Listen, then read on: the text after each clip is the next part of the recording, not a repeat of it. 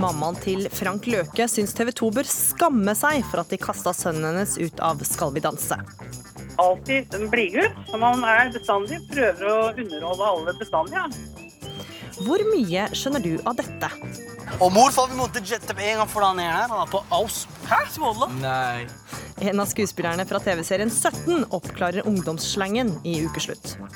Og nordmenns trang til å gå tur er en nasjonal livsløgn, mener Are Kalvø, som har mista mange venner til naturen. Ja, velkommen til ukeslutt i NRK P1 og P2. Jeg heter Gry Veiby og skal følge deg i den neste timen, hvor du også skal få høre hvordan lyden av tiss ble aktivisme. Men først. Dette var uka da en rød trusestrikk var på alles lepper. Etter at håndballspiller Frank Løke dansa i en Borat-drakt i TV 2-programmet Skal vi danse sist helg. Og meningene om stuntet er delte. Nei, altså jeg fikk litt sjokk, samtidig som jeg ikke fikk det. Fordi han Frank er Frank, men eh, det er familieprogram, og jeg tenkte det kanskje var litt i drøyeste laget. Syns det er løye. Syns det er morsomt. Det er show. Det er litt kult at folk går rundt for de normale rammene. Hun hun er faktisk på jobb, må ikke glemme det. Hun er på jobb. Det er bare sånn, Hvis du tar bort kameraene, så er hun og danser og får betalt. Og du kan se for deg at du står oppe på NRK, og så kommer en kollega bort og bare sånn Er ikke det jævlig morsomt at jeg danser naken med deg? Det er jo ikke det. Jeg syns det bare var veldig tøft jeg da, egentlig, å gjøre litt ekstra underholdning på TV. Det syns jeg egentlig. Ja, om du likte det eller ikke. Kveldens Skal vi danse blir uten håndballspilleren. Løke ble nemlig kasta ut av dansekonkurransen denne uka pga. det kanalen selv kaller et nakenstunt sist helg. TV 2 har fått mye kritikk for håndteringa av saken, og det syns mora til Frank Løke, Hilde Løke, at de fortjener. Han har jo sykla over Hardangervidda i den Boraten, og han har jo løpt maraton i den Boraten. Og TV 2 hadde jo tatt den med for at det skulle være litt showing, så, han, eh, så de venta vel et eller annet fra han. Hilde Løke mener TV 2 veit at sønnen hennes, håndballspilleren Frank Løke, liker å vise fram kroppen sin. Løke skjønner derfor ikke hvorfor sønnen fikk sparken fra Skal vi danse denne uka, etter at han opptrådte i Borat-drakt, altså en mankini. Ja, jeg tenker at dette er skikkelig urettferdig. For at det, han Frank har gjort nøyaktig det han har fått beskjed av TV 2 å gjøre. Han skal være en showman blant de vanlige danserne. Alltid en blidgutt, som han er bestandig. Prøver å underholde alle bestandig. Men forrige lørdag dro Frank Løke trusestrikken for langt etter manges smak. Da han kom på scenen, reiv han av seg dressen og dansa videre, kun iført en glitrende rød mankini. Dansepartneren hans, Tone Jacobsen, var ikke fornøyd etterpå. Hva, hva er det som har skjedd da? Jeg vet ikke. Frank, To, Tona, du skulle jo ha en sånn fin drakt med hjerter på. Action-Frank og hjerter det passer ikke sammen. Og dommerne vendte tommelen ned. Det er klart, den kroppen der, Jeg kunne sikkert fått den der eh, tieren her for, som jeg har her. Men det er klart at det hjelper ikke med kropp hvis ikke du kan danse, Frank. Så du må gå hjem og øve deg. TV 2 kalte Løkes opptreden for et nakenstunt og kasta han ut av danseprogrammet. Han kan ikke kalle det nakenstunt. Han var jo ikke naken. Han var innafor det som TV 2 ja, og de, la, de hadde jo, som jeg sier, de filma det jo og sendte det hele da på nyhetskanalen, så det var jo ikke noen overraskelse for dem, for de ville ha det med. Det som forvirrer mor Hilde Løke og flere med henne, er en nyhetsreportasje TV 2 sendte før konkurransen. Jeg har funnet antrekket for neste dans. Å, kjære venn, hva er det du gjør? Frank Løke elsker å sjokkere. Reportasjen har tittelen 'Frank Løke ønsker nakensjokk i Skal vi danse', og viser Frank Løke som danser i mankinien sammen med dansepartneren. Han som til og med måtte løpe. Han havnet ikke med seg på dansestudio, for at han måtte løpe tilbake til hotellet og hente dem, bare på oppfordring fra dem. Og så skal han da få en skyllebøtte uten like for at han har hatt på seg, liksom. Det, de burde i hvert fall skamme seg skikkelig TV 2 sånn som de behandler folk. Ja, programredaktør i TV 2 Jarle Nakken, her hører du også mamma Hilde Løke. Dere bør skamme dere over hvordan dere behandler folk. Hva svarer du til det? Nei, dette er jo en uh, sak som har uh, eskalert uh, gjennom uka. Og jeg tror også Frank Løke har hatt en hektisk uke etter dette stuntet på lørdagens Skal vi danse. Men hva sier du til kritikken om at dere bør skamme dere om hvordan dere har oppført dere overfor Løke? Nei, det mener jeg ikke. Vi har øhm, Jeg skjønner at det kommer kritikk i forbindelse med denne saken, for det er øh, mange stemmer inn i debatten. Men det som har skjedd, er jo at øh, Frank øh, Løke bestemte seg for øh, på Skal vi danse å ikke forholde seg til den avtalen som er gjort med produksjonen. Og det er klart øh, det er 100 stykker som, øh, som jobber i den øh, produksjonen, og øh, det var gjort øh, flere gjennomgangsprøver i løpet av kvelden. Tre gjennomgangsprøver og én hovedprøve. Og eh, det var ingenting som tydet på at, eh, at dette stuntet skulle skje under sending. Eh, slike sendinger er planlagt ned til minste detalj. Eh, så når, eh, når han river av seg klærne og stiller i den Borat-trakten, så, så er det sjokkarta stemning i regikontrollen og blant andre. Men her vil jo mange stille seg spørsmålet altså, hvor sjokkarta var det egentlig? Sånn som de hadde var en reportasje noen dager før, hvor han Ja. stiller seg i rød mankini. På slutten av reportasjen sier han vi får se om drakta kommer på i kveld. Mm. Han sier at han har fått to klare regler av dere. Ikke skade noen i publikum, og ikke vise dine edlere deler. For de Mm. kjørereglene han har fått. Mange vil jo da si at dere visste at dette kom. Nei, men eh, det visste vi ikke, og det har også Frank Løke bekreftet. Det var ingen på, i produksjonen som, eh, som visste at han kom til å gjøre dette stuntet på sending. Eh, Det du refererer til, er en nyhetsreportasje på tv2.no som ble laget noen dager tidligere og ble publisert på lørdagen. Og jeg har tatt selvkritikk på at vi i TV 2 ikke fanget opp det, eller produksjonsselskapet eller produksjonen, og gjorde nødvendige eh, skritt for å sikre at ikke dette ble gjennomført. Men det er Det var ingen som som, som tok det, den spøken eh, alvorlig, eller koblet de to tingene eh, sammen.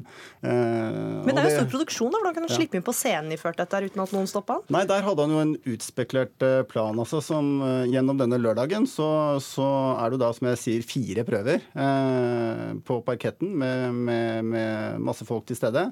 Eh, og alle disse gjennomfører han jo på forbilledlig måte etter avtalen med produksjon. Eh, men så eh, går han vel på toalettet og skifter og tar på seg denne rett før sending i reklamepausen. Og eh, hiver av seg på direktesending. Artistmanager for bl.a. Jon Arne Riise, Stella Mangi og Erlend Bratland i Motormouth Management, Erland Bakke. I en kronikk på kampanje.no skriver du at Løke er blitt et offer for TV 2. Men der hører du TV 2 sier at eh, han har brutt retningslinjene, han har brutt avtalen med Skal vi danse. På hvilken måte er han da et offer? Jeg mener at TV 2 har gjort Frank Løke til en kjendis. Frank Løke var en håndballspiller som var godt kjent i håndballkretsene. Så tok TV 2 han med på Farmen. Og har, eh, er det én ting ikke Frank Løke kunne om, så er det underholdningsbransjen. Eh, Og er det én bransje han ville inn i, så er det underholdningsbransjen. Og den, den selskapet som hjalp han inn i den bransjen, var TV 2. Og de har formet Frank Løke fra Farmen til å være med i Skal vi danse. Og det er to klare eksempler på det. ene eksempelet var at han løp i maraton i denne Borat-drakten. Eh, hvor TV 2 var den eneste riksdekkende som dekket det. De lagde sak om det både på TV og på nett.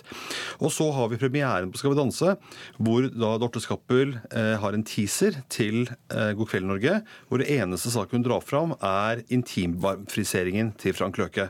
Det er vanskelig for en person som ikke kjenner underholdningsbransjen, men som er en håndballspiller, til å måtte forstå alle spillereglene, var innafor, var utafor. Og når Jarle her kommenterer at dette var en brudd på avtalen Jeg har gjort veldig mange avtaler med veldig mange artister som skal være med i Skal vi danse, 71 grader nord, og så masse av produksjonen, og i Farmen, som er for, for TV 2. Jeg kan ikke huske å ha sett noen gang at det er spesifisert hva som er innafor, hva som er utenfor. Det det går på, det er at kanalen til enhver tid har muligheten til å kaste deg ut av produksjonen, men det går ikke noe på hva som er innafor nakenhet og ikke nakenhet. Ja, Nakken, altså Løke sier jo selv at uh, de, han var åpen, han ville by på seg selv. Dere visste godt hvem han var og hva han står for når han uh, deltok. Det er klart at vi liker at vi har eh, fargerike personligheter i de produksjonene som, eh, som, uh, som Skal vi danse og andre. Eh, At de er fargerike og at de byr på seg selv. Det er klart. Eh, Men vi må også samtidig, eh, og det er mitt ansvar, å sikre den redaksjonelle linjen. Eh, Og da handler det om at man må kunne stole på hverandre. Det er tillitsforhold. Eh, For, for at mine forlengede Eller mine eh, representanter som, som har det redaksjonelle ansvaret på, på sending, må vite hva som skjer. Ellers så gir vi fra oss den redaksjonelle kontrollen.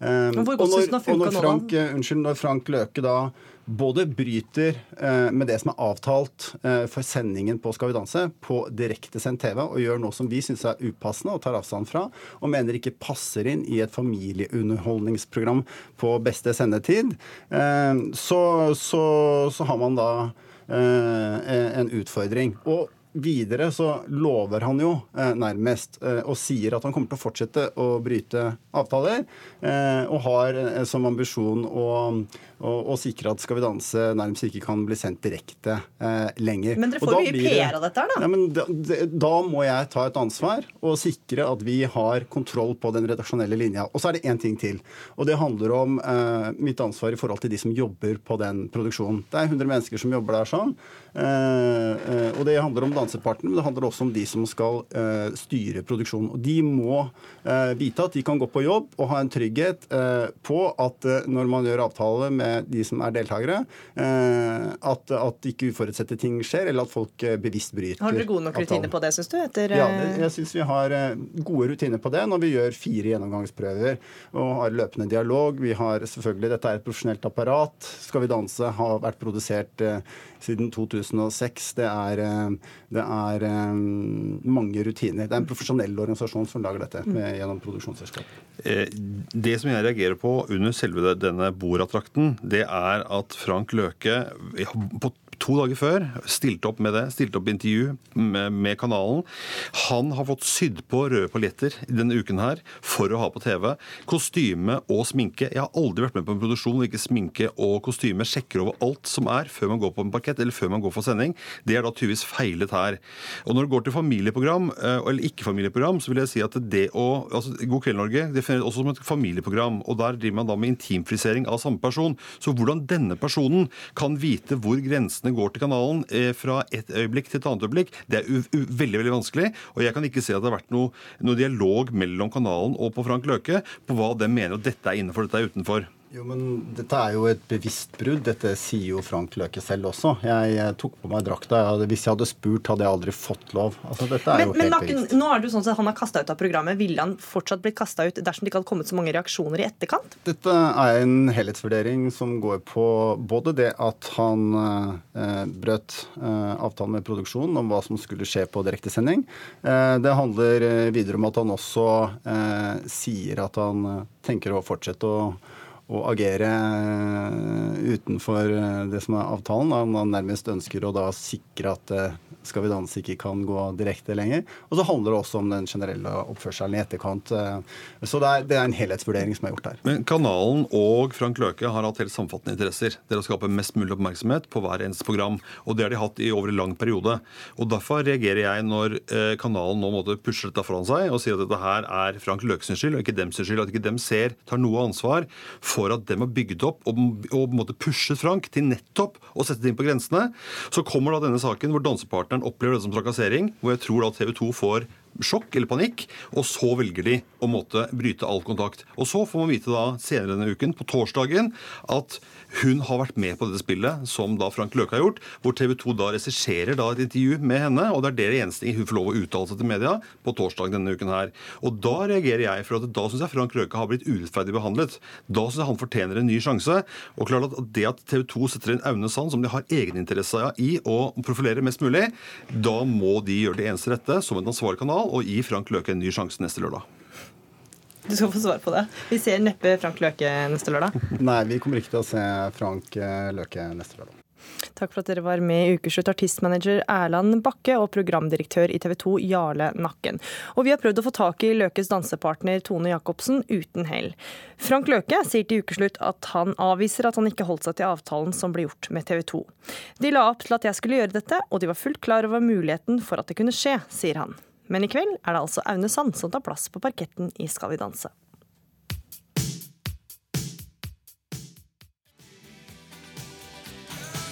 I Can Hear Your Heartbeat sang den britiske artisten Chris Ria i låta som kom ut for 35 år siden i dag. Det er lørdag og tid for tur, tenker mange. Kanskje er du på tur akkurat eh, nå? Sollys mellom bladene, tråkke på mose og matpakke og kaffe på kanne i sekken. eller ikke. Forfatter Are Kalve, deg finner vi ikke på tur i skog og mark. Hvorfor ikke det? Eh, ikke minst skog og mark. Eh, Jeg skal definitivt eh, gå tur i dag. Det er fint vær utafor her, akkurat her vi er nå, så jeg skal gå lang tur etterpå. Men på, på asfalt. Så det er ikke noe mos under Veldig lite mose, og jeg kommer til å bevege meg stort sett i nærheten av, av plasser som har kelnere og, og kaffe som du får servert. Eh, For det, det, det er jeg glad i.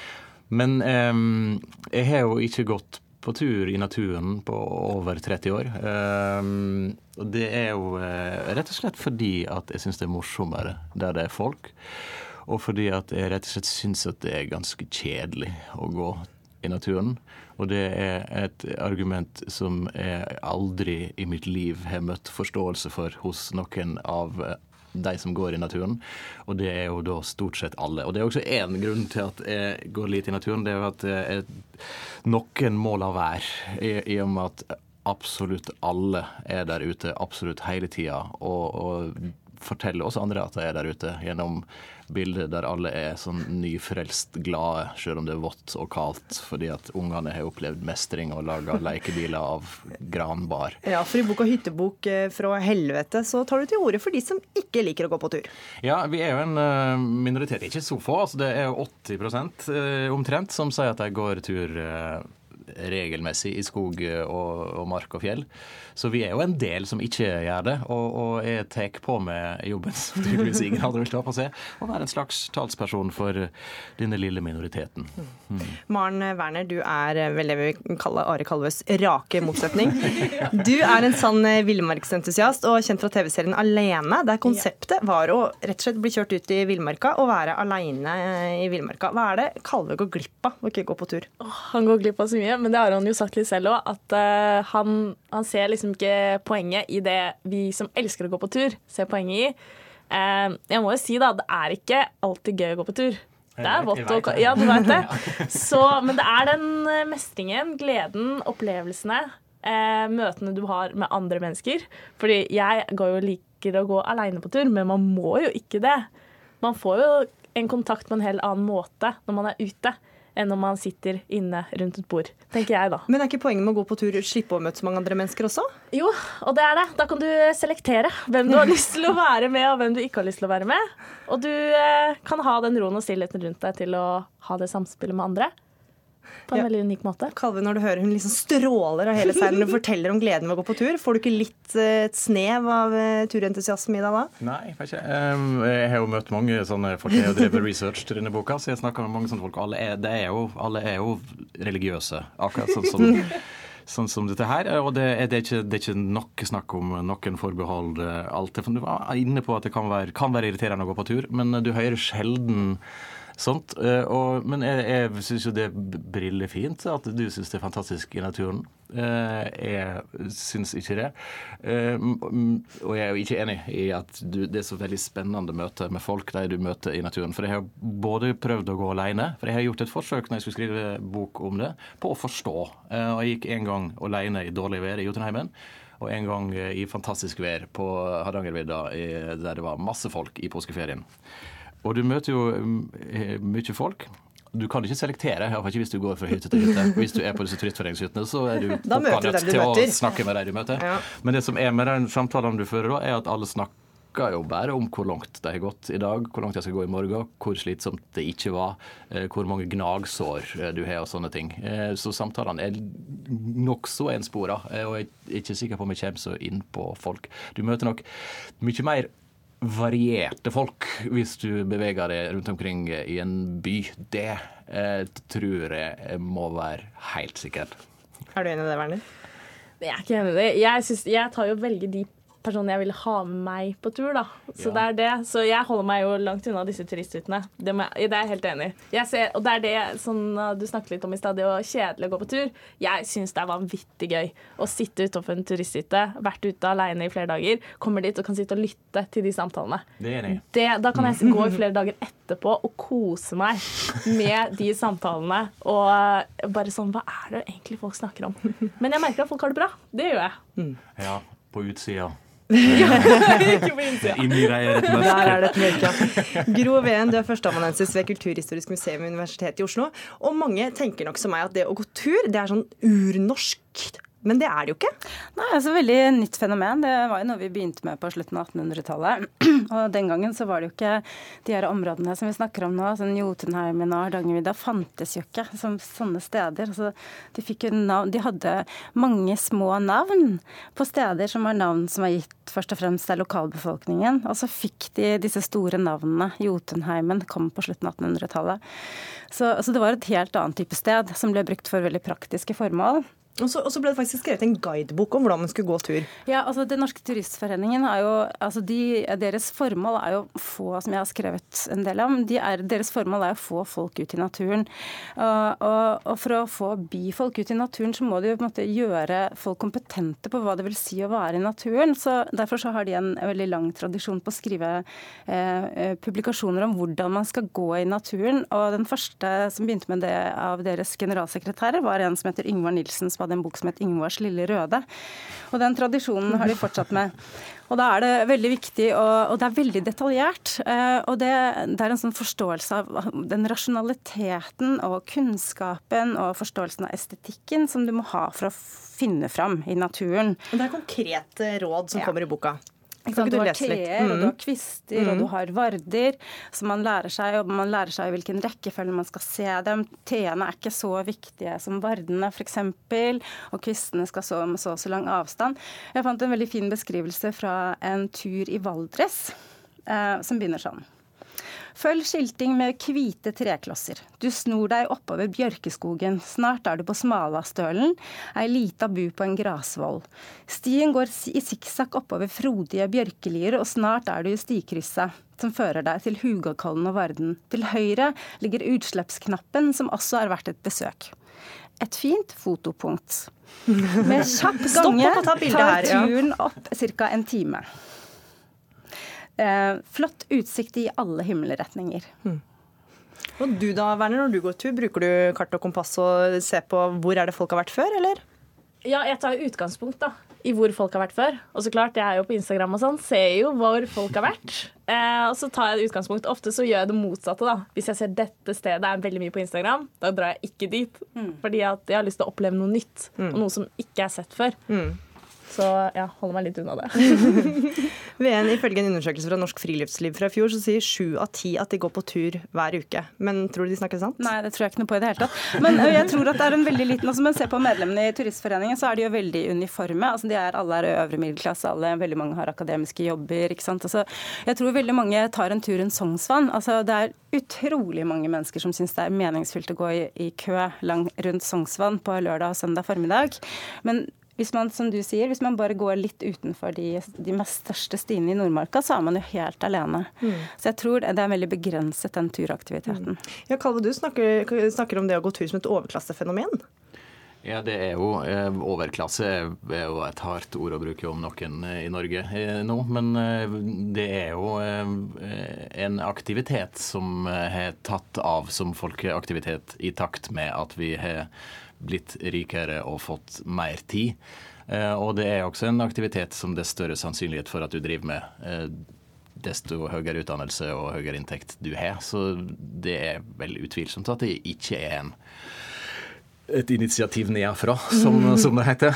Eh, Men tror du det er så populært som folk sier at de altså Tror du de går så ofte, så ofte tur som de faktisk sier at de gjør? Nei, jeg regner med at, at folk ikke svarer helt ærlig når de blir stilt sånne spørsmål, men jeg, jeg får jo helt klart inntrykk til at det er veldig mange. Eh, Men det har jo sannsynligvis også sammenheng med at det er veldig få nå som går tur uten å gi beskjed om det til alle andre. På sosiale medier. Hvor viktig er sosiale medier for deg når du går tur? jeg, det er der, og jeg tar det med for, en, liksom for å dele og se hva jeg driver med. Men eh, jeg er veldig viktig at, at det, det er ikke fokuset. Så tar jeg et bilde, ja, jeg tar et bilde, men jeg bruker ikke mye tid på det. Fordi det syns jeg ble feil. Da ser jeg jo inn i linsa. Da kunne jeg jo sittet nede i byen og tatt bilde av noe nede i byen. Ikke sant? Ja. Men det er også noe folk har veldig mye følelser i forhold til. Jeg er sånn som kan godt finne på å legge ut hele påskeferien min på fjellet på Facebook. Men, eh, men jeg ser jo også at folk blir veldig provosert av alle de her en, en intense fjellbildeseriene som alltid dukker opp i høstferien og påskeferien. Mange syns at, det- at det ikke er så veldig passende. At det er sånn, veldig sånn intens skrytete. Og liksom i den store norske ånden. Og så er det jo lørdag i dag, da. Hvem er det som skal gå på tur i dag? Jeg skal som sagt gå en lang og nydelig tur i byen. Og dere andre skal dere bruke marka? Åh, jeg skulle ønske, men jeg skal til bestemor og bestefar, så det blir ikke i dag, dessverre. Kanskje i morgen. Jeg skal på tur. Takk for at dere var med i Ukeslutt. Are Kalve, forfatter, Maren Werner, villmarksentusiast, og Gro Veen, førsteamanuensis ved Kulturhistorisk museum i Oslo.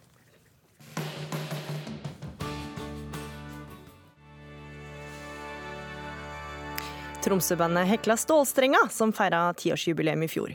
Og låta du nettopp hørte, 'En time for sent', er ment som en humoristisk vinkling på hva som kan skje om man lever for mye i nuet, kunne bandet fortelle med et intervju med avisa Vårt Land.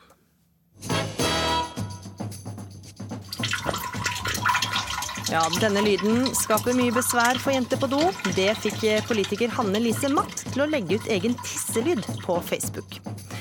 Og én ting har ungdom hatt til felles gjennom tidene. Språket deres får voksne til å rive seg i håret. Men skjønner en som er ung i dag, det en som var ung på 50-tallet brukte av slang? Historien om jenter som skrur på springen på do for at ingen skal høre dem tisse, har nok fått mange til å lure på hvordan har vi kommet dit at tisselyder på do er flaut. Fylkespolitiker fra Miljøpartiet De Grønne, Hanne Lise Matt, grubla litt på dette, gikk hjem, satte seg på do og la ut tisselyden på Facebook.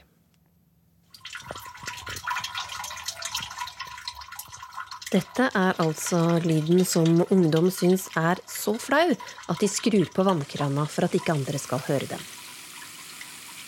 På Bragernes torg i Drammen sitter det fire jenter som går på videregående. Stine Marie, Maja, Linn Johanne og Ying. De kjenner godt til problemet. Det er deg. Det er akkurat i går. Ja. ja, hvorfor det?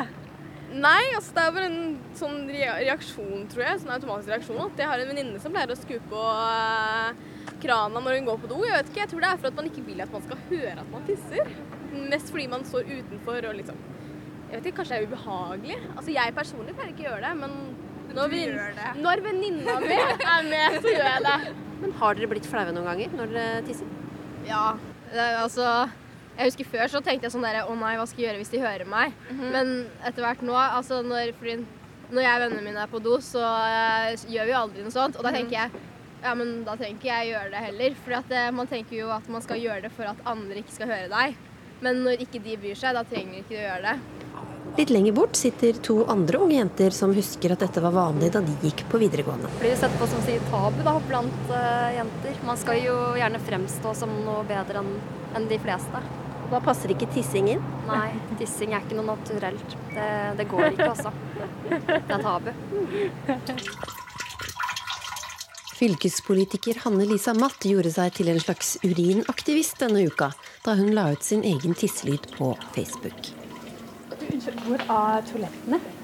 Det første til venstre Ja. her. Ja. Vi skal møtes på do. Altså, vanligvis ville vi bare gått rett inn på, på toalettet her, men det disse unge jentene gjør, er altså da de skrur på den. De setter på vannkranen, ja. Ja. Mm. Det er en trend at det er en sånn type fremmedgjøring om det å ha en kropp som gjør ting som kanskje ikke vi har kontroll over. Eh, og i det hele tatt eh, noen eh, måte sånn inntrykk utenfra om at vi skal være perfekte og leve opp til idealer som ikke vi greier å leve opp til, og en digital verden som greier å putte filter over både hvordan vi ser ut, hvordan vi høres ut osv., som ikke nødvendigvis speiler realiteten. Og det gjør jo at det oppstår situasjoner hvor jenter både syns det er flaut å være naken, det er flaut å tisse, man tør ikke å gå på gata uten sminke. Og det, jeg syns det ikke er en grei utvikling. Men blir gutta flaue når de tisser foran andre? Jeg spør de fire jentene på torget. De pleier vel vanligvis hjemme å bare glemme å lukke døra, så da er de vel ikke så flaue. Er det avhengig av person til person. Har ikke så stor rolle på hvilken kjønn det er sånn egentlig. Mm. Jeg føler at det er flest jenter som gjør det. Det gjør jeg. Jeg føler at vi liksom skal ta mindre plass, da, hvis det er mening, og det er litt synd. Så er det hovedsakelig jenter som blir gjort narr av for deres naturlige Ja. behov. Ja, ikke sant? Er det noen som gjør narr av det med tissing, da? Det er større grad enn promp, for eksempel. Når det, er sånn, det er veldig mange som er sånn Jeg er jente, så jeg promper ikke, for eksempel. Eller så er det sånn hvis en jente promper og det lukter vondt, så er det sånn Det er litt ekkelt. Hun er litt ufeminin. Det var ikke så fint. Men så sier når gutter gjør det, så er det sånn Å, den var, den var høy. Jeg kan lage enda høyere. Jeg hooker tak i noen gutter som går forbi. Hva syns dere om eh, eh, jenter som skrur på vannet når de tisser, for at ingen skal høre hva de holder på med? Teit. Hvorfor det? Det er naturlig. Er det noen av gutta som gjør det? Jeg gjør det. Nei. Du gjør det? Ja. Hvorfor det? Det Jeg vet ikke. Men Er det pinlig at andre hører at man tisser? Litt. Kind of. Kjøpesenteret som først tok opp problemet fordi toalettene ble oversvømt, har nå bestemt seg for å spille musikk på do. Hanne Lisa Matt mener vi alle kan bidra. I mitt hode så er det handler jo både om hvordan vi håndterer sånne ting hjemme. Kanskje det er greit å vise seg naken til barna sine, eller at man setter ord på det. Ja, men det lager lyd og hør. Nå tisser vi osv. når det er søsken, også, men også mellom generasjoner. Og akkurat den saken som vi ser nå, er jo en gyllen anledning til å egentlig ha en debatt rundt det her. ikke sant? Altså Hvordan reagerer, reagerer vi som storsamfunnet på at våre egne unger syns det er trist? Altså det, Man sier jo det at det trengs en landsby for å oppdra et barn, ikke sant? men den landsbyen må også bry seg om de barna. Har dere noen tips til de som eh, trenger å øve seg på å tisse uten vann? Ja, vær deg selv. Så jeg hadde bare kjørt på med musikk, jeg. Selv om det noen ganger høres litt rart ut, men da sparer du miljøet. Og så når du har- like så godt har telefonen til stede, har musikk på telefonen, hvorfor ikke bruke det istedenfor å skru på vasken og bruke vann? Og rådene de ga, var til reporter Linn Beate Gabrielsen.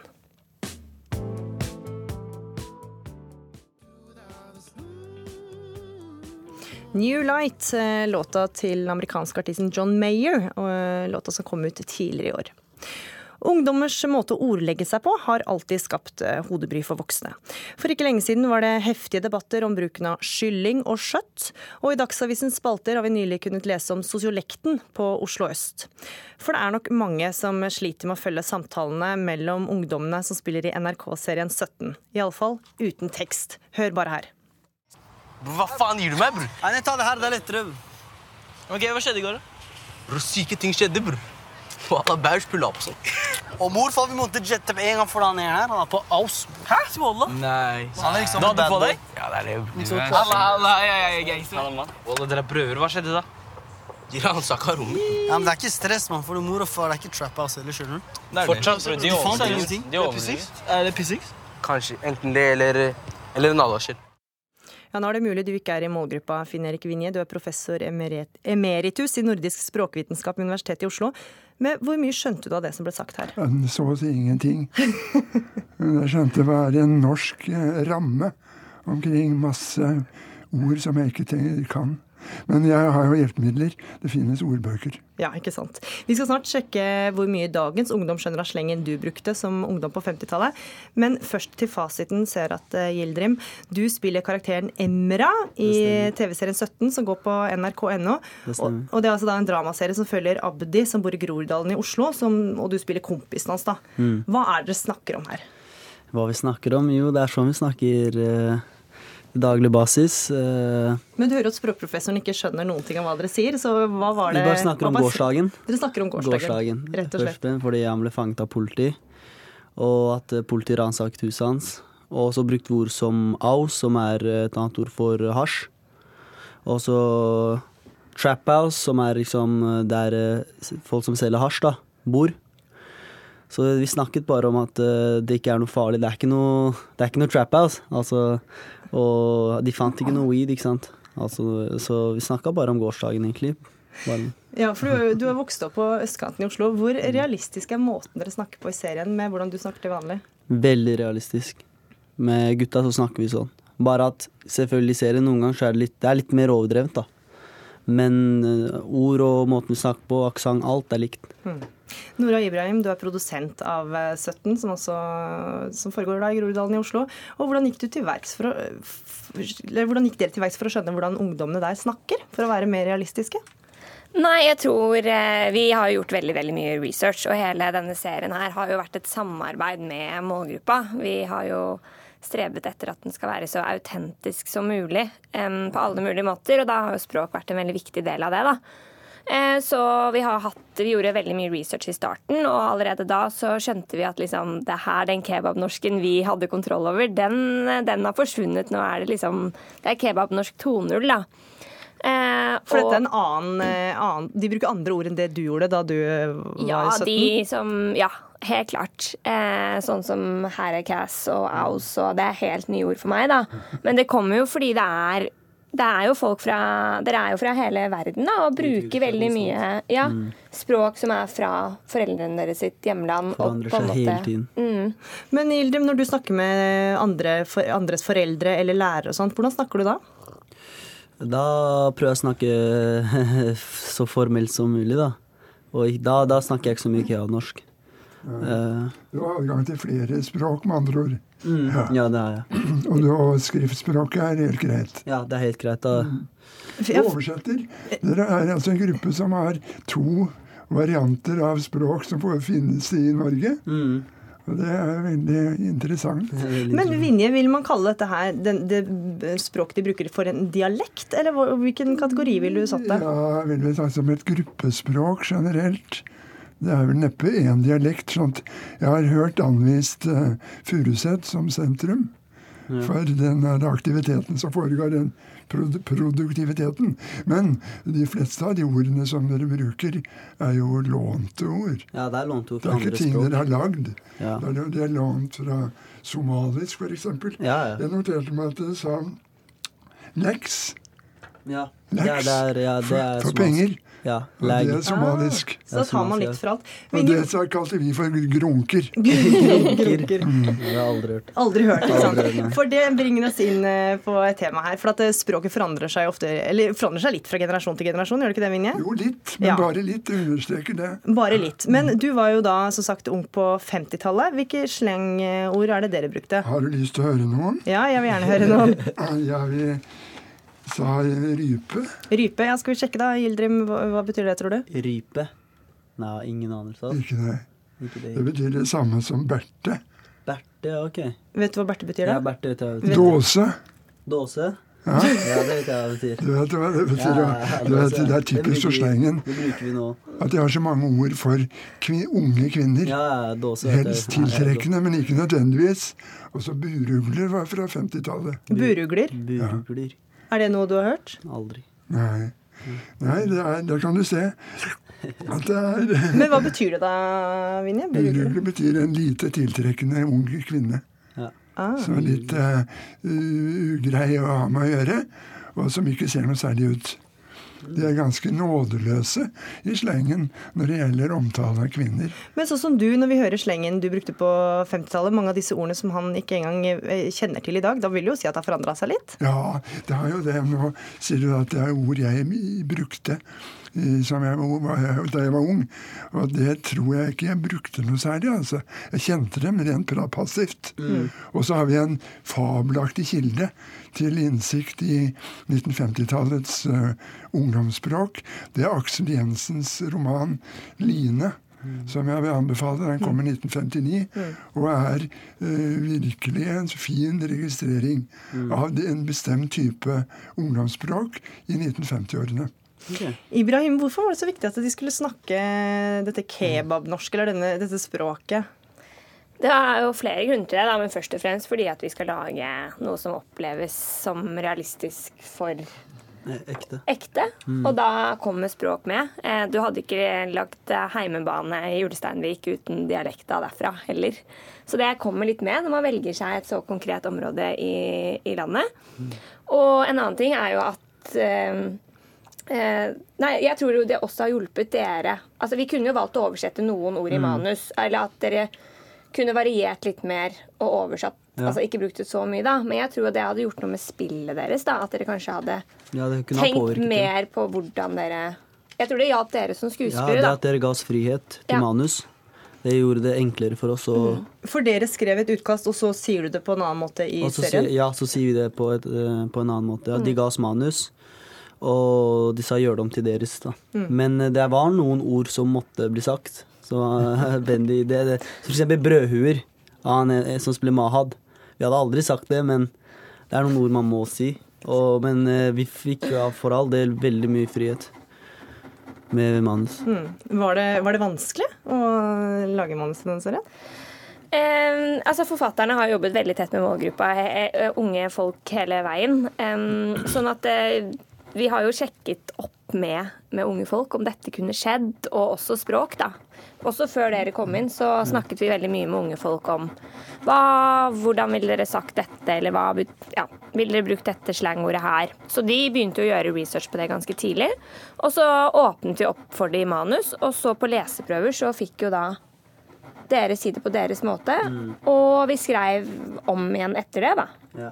En ny versjon. Og så er du fra et veldig spesielt, altså fra et veldig lite sted eh, i Oslo. Og Vinje, hvis dette hadde vært fra Oslo vest, hvordan hadde språket forandra seg da? Ja, det er jo vanskelig å si, men denne henvisningen som jeg hadde i stad til Aksel Jensen, den gjelder jo ungdom i Oslo vest. Ullernåsen og, og Ullern. Og det, det, jeg var jo da samtidig, men jeg er ikke egentlig så veldig fortrolig med det. Jeg vokste opp i Bærum. Det skal være liksom det verste stedet å vokse opp. Men vi hadde ikke så mye av det, så vi fantes jo innslag. Og noe av det syns jeg jo etterpå, i ettertid også er ganske morsomt. Den er først og fremst dristig, altså slengen. Det er mye henspillinger på kjønnsliv og seksuelle Ja. aktiviteter. Og, men noe, noe er jo morsomt, da. Det er særlig kvinnene det går utover, men også mennene. Det, det, det vet dere hva ønskekvisten betydde? Ønskekvist. Er de også et slang fra 50-tallet? Ja, vet du hva det? Nei, vet ikke. Det er mannlig kjønnsorgan. Oh, ja. Penis. Ja. Ønskekvisten. Og det er jo ganske morsomt, vil jeg si. Det er kanskje litt støtende for noen, men eh, det er mange sånne termer. Kommer de til å komme på mot igjen, tror du? Eller? Ja, Som- neppe, neppe. Neppe, men eh, det er morsomt å studere. Mm. Og jeg tror at disse Det har endret seg skikkelig. Vi har, altså når vi skal ha ordet penis, da, da sier vi zeb, Oi. som stammer fra marokkansk. Ja, nettopp. Og, men som for eksempel eh, vagina, da sier vi dåse. Ja, det Så der, der forenes dere i akkurat det. Ja, Dåse, den, den bruker vi til den dag i dag. Akkurat det der, ja. Vinje, helt til slutt her. Altså, dette er jo da sosialekten på Oslo, S, nei, Oslo øst. Hva slags status har den i samfunnet i dag? Den østdialekten Nei, den har jo ikke noe status utover den gruppa som det brukes i. Det er jo ikke noe landsgyldighet i det. Jeg som er ganske godt orientert om norsk språk, jeg skjønner altså ikke bæret, som de sier nå. Det er jo også et uttrykk som har kommet inn i allmennspråket. Mm. Jeg skjønner ikke, så jeg tror ikke det har noen utsikter til å bli noe landsdekkende uh, ungdomsspråk. Nei. Men det kan dyrkes som gruppespråk. Ja, det, Og som sådan så har det en funksjon. Mm. Men Gildrim, du kommer vel ikke ta med deg dette språket veldig inn i voksenlivet, eller Nei, tror du? det tror eller? jeg ikke. Det tror jeg ikke. Det kommer til å få bli ungdomsåra. Men øh, øh, jo, det er sånn vi snakker nå. Man må jo bare tilpasse seg til dem man er med, og dem man henger med. Og det er sånn gruppa mi snakker, og da snakker jeg også sånn. Mm. Når får vi se siste episode av 17? Og den kommer på tirsdag, så det er bare å glede seg. Da kan man også tekste den, da, hvis det er problemer med å forstå slangen, selv etter å ha hørt dette innslaget. Takk for at dere var med i Ukeslutt. Finn Erik Vinje, språkprofessor, Nora Ibrahim, produsent av 17, og Serat at Gildrim, skuespiller.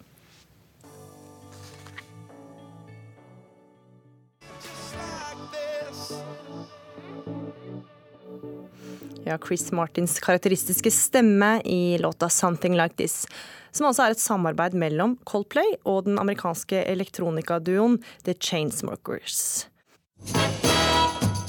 Og med det var ukeslutt eh, slutt for denne lørdagen. Ansvaret for sendinga hadde Julia Afshari Kaasa. Tekniske ansvaret var ved Finn Lie, og her i studio var Gry Veiby. Takk for at du hørte på. Ukeslutt kan du høre når du vil, hvor du vil, enten som podkast eller i NRKs nettspiller, som du finner på nrk.no. Du kan også høre oss i Alltid nyheter klokka fire i dag.